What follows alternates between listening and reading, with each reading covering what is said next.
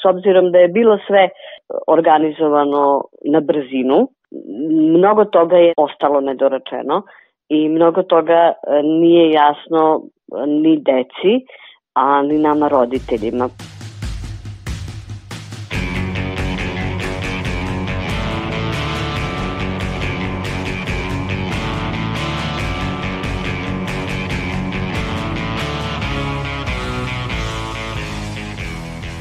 Slušate novo izdanje podcasta Reaguj, nezavisnog društva novinara Vojvodine.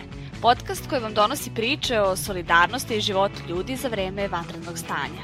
Mi smo Aleksandra Bučko, Sanja Đorđević i Iva Gajić. U ovom izdanju pričamo o obrazovanju koje se u rekordnom roku prebacilo na online platforme i na nastavu na daljinu. Kako ono neformalno, tako i ono formalno. Kada je reč o neformalnoj edukaciji, ona je u ovom periodu doživjela porast upravo zbog toga što se više nalazimo kod kuće. A kad dođemo do formalnog obrazovanja možemo da kažemo da ono baguje jer zaista se sve odigralo na brzinu bez velike edukacije svih strana, nastavnika, đaka ali i roditelja koji sada treba da nadgledaju svoju decu i pomažu im u onim delovima u kojima bi to inače nastavnici radili u učionicama. Prelazak u online sferu prate mnogi problemi kako tehnički tako i logistički. A kada je logistički deo u pitanju, posebno je veliki izazov bio kako pokrenuti nastavu za decu koja pohađaju časove na maternjim jezicima jer većina nastavnih alata pratila je potrebe razreda na srpskom jeziku, a tek samo kasnije je nastava krenula i na drugim jezicima. Još jedan izazov bio je i to da deo predmeta nije prilagođen manjinskoj nastavi preko različitih platformi pa se dešava da deca pojedine predmete prate na srpskom umesto na maternjem jeziku. Tako je Aleksandra Ema, čerka Olenke Živković, ide u peti razred na rusinskom jeziku.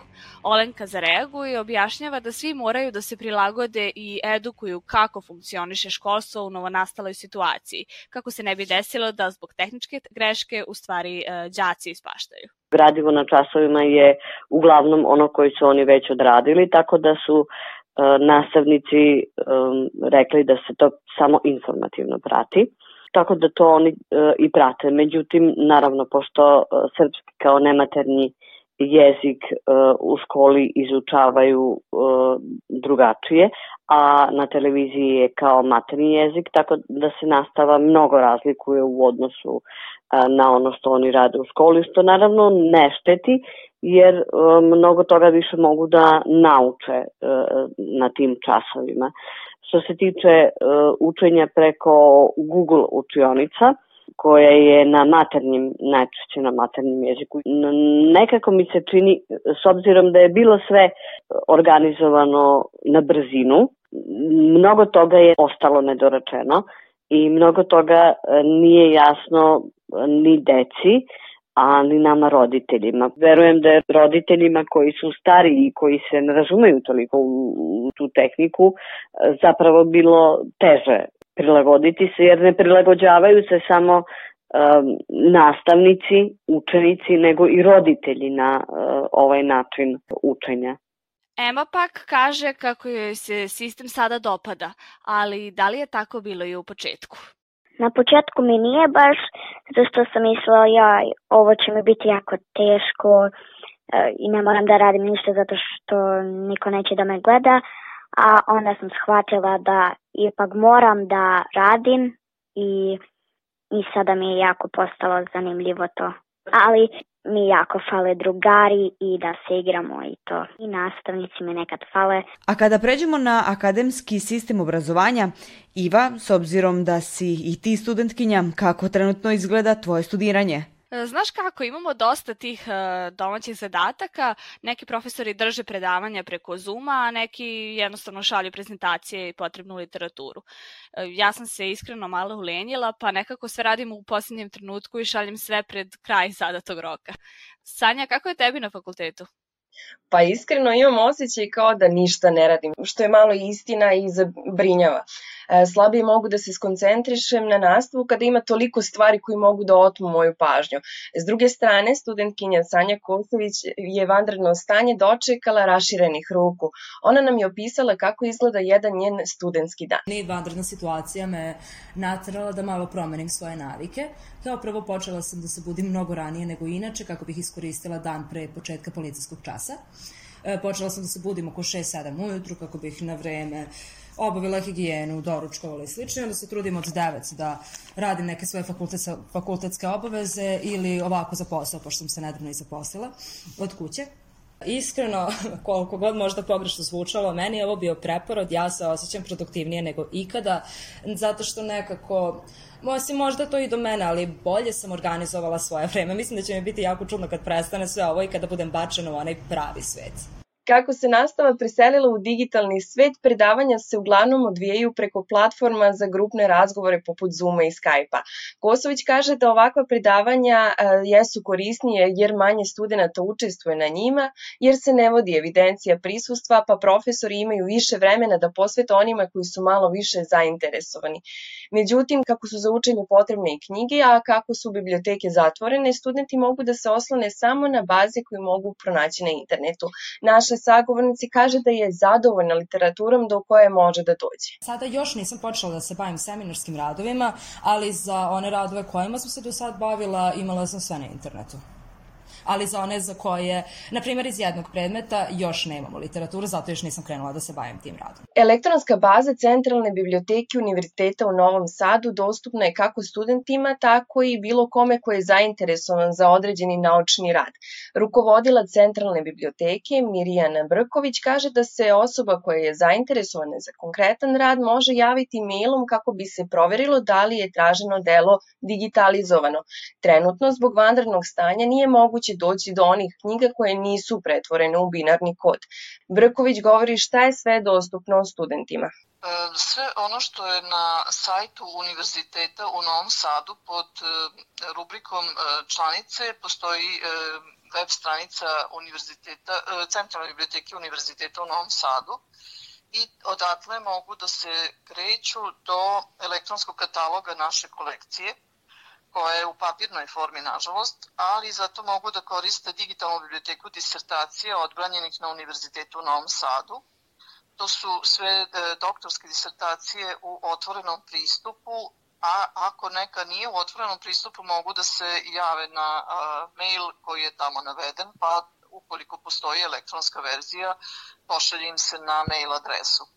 Zatim mogu da koriste digitalni repozitorijum Univerziteta u Novom Sadu. To su e, svi oni radovi koji su naši naučnici, istraživači i e, doktoranti e, ili doktori nauka objavili u otvorenom pristupu i konačno mogu da koriste sve ono što smo naveli kao posebne pogodnosti u vreme koronavirusa, a to je nekoliko sajtova preko kojih mogu da dođu do kvalitetne literature, čak i do nekih učbenika ovaj, koji se koriste u svetu. Naš kolega Nemanja Stevanović pričao je sa docentkinjom na Departmanu za srpsku i komparativnu književnost Filozofskog fakulteta Univerziteta u Nišu, nastavnicu na metodičkim predmetima Snežanom Božić.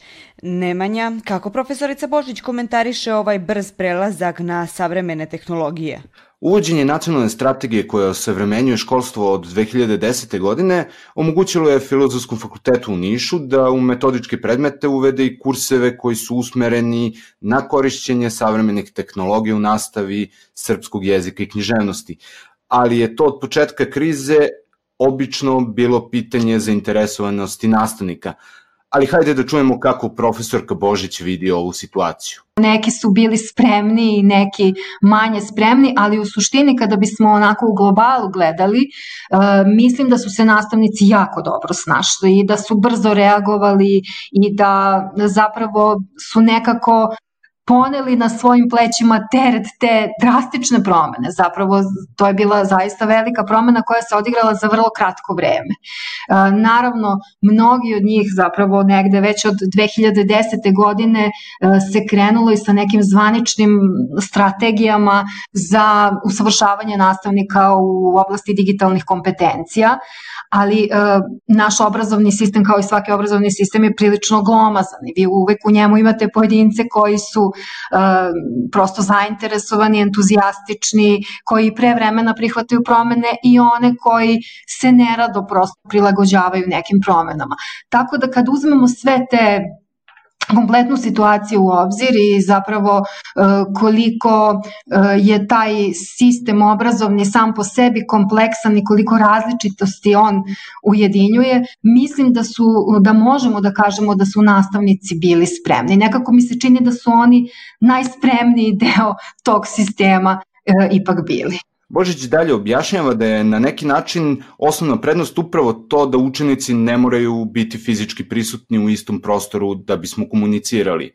A dodaje i da joj je utisak da su i nastavnici prilikom pripremanja za predavanje i vežbe nekako fokusiraniji, u smislu da moraju dobro da promisle kakve će sadržaje ponuditi studentima. Dakle, e, nema prevelikih digresija, morate tačno da znate šta želite na tom e, času da postignete. Čini mi se da i u sadržajnom smislu e, oni dobijaju zapravo neki dodatni kvalitet i ovo što sam malo prepomenula, dakle dobijaju i to su baš u anketi naši studenti odgovarali da dobijaju neke materijale koje inače ne bi dobili na predavanjima u učionici.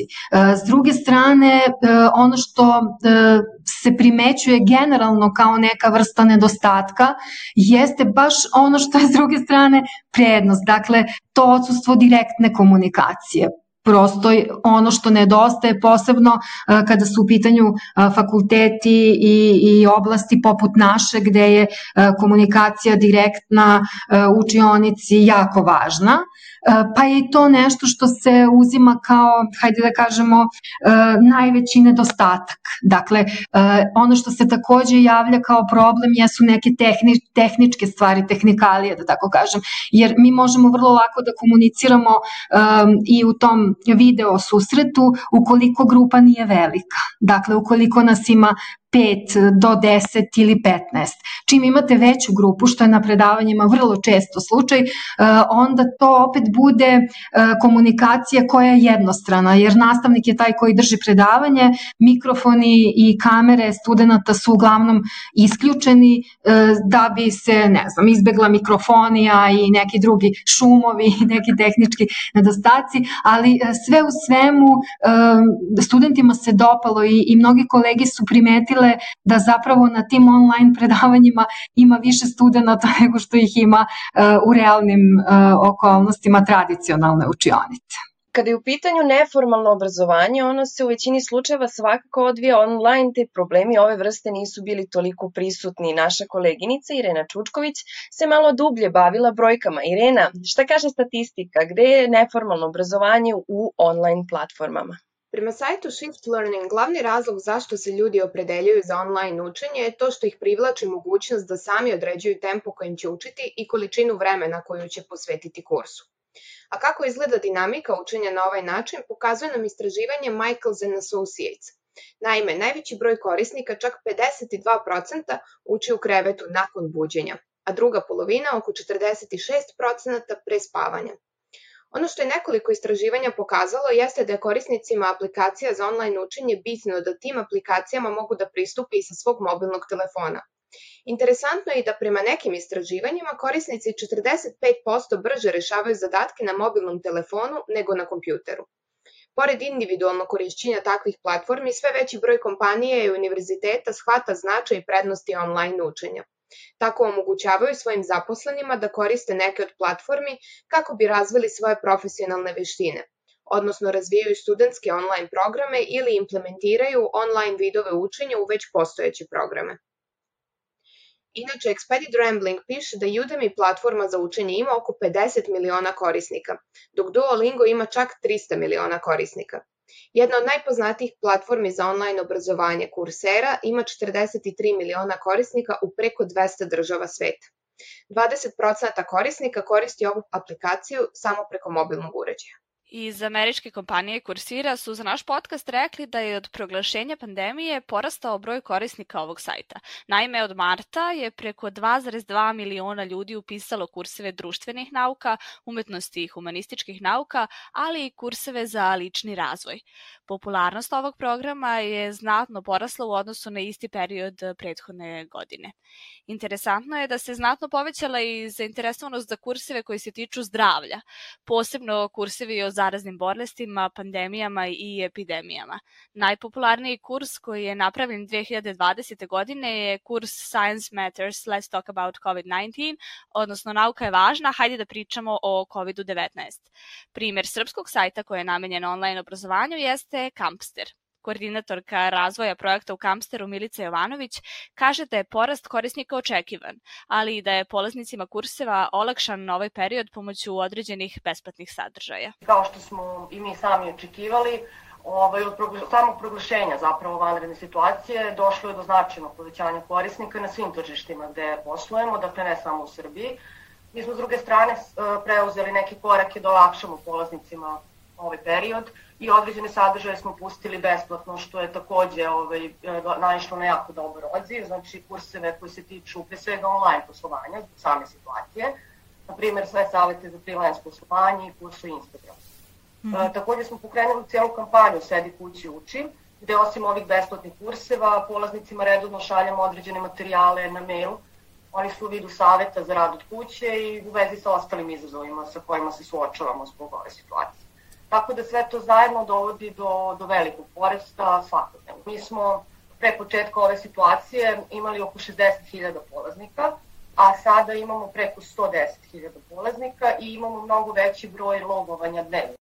Donosimo vam i interesantan primer.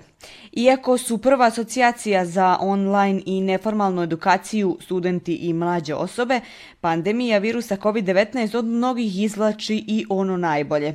Naime, Marija Pab iz Veternika ima 69 godina i penzionisana je doktorica. Ovo vreme od kada ne može da izlazi napolje koristi za to što inače nije imala vremena. Počela je da uči engleski jezik preko Skype-a. Kaže da joj se sviđa ova vrsta učenja jer ne gubi vreme na putovanje, samo se uključi na Skype. A imala je tehničkih problema samo kada joj je nestajao internet.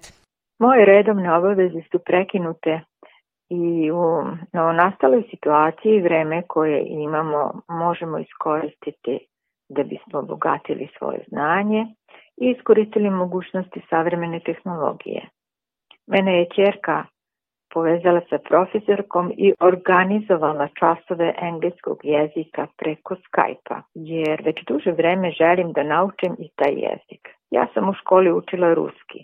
Imamo prijatelje iz inostranstva koji s vremena na vreme dođu kod nas, a čujemo se i preko Skype-a, pa sam želela da mogu koliko toliko samostalno sa njima da komuniciram. Do sada nikad nisam imala vremena da idem na časove jezika, pa mi je ovo dobro došlo da mogu ovako od kuće da učim. Sa pričom Marije Pap odjavljujemo ovo izdanje serijala Reaguj, podcast nezavisnog društva novinara Vojvodine u kom smo govorili o online obrazovanju. Da biste bili obavešteni o našim najnovijim epizodama, prijavite se na naše kanale na iTunesu, Stitcheru, Castboxu, Sounderu, Google podcastima, kao i na sajtu podcast.rs. Ocenite naše sadržaje i naravno pišite nam ukoliko imate neki komentar ili sugestiju. Naša mail adresa je podcast.ndnv.org. Ukoliko želite da nas podržite, to možete učiniti na sajtu donations.ndnv.org. A do sledećeg slušanja, ostanite kod kuće i iskoristite pametno svoje vreme.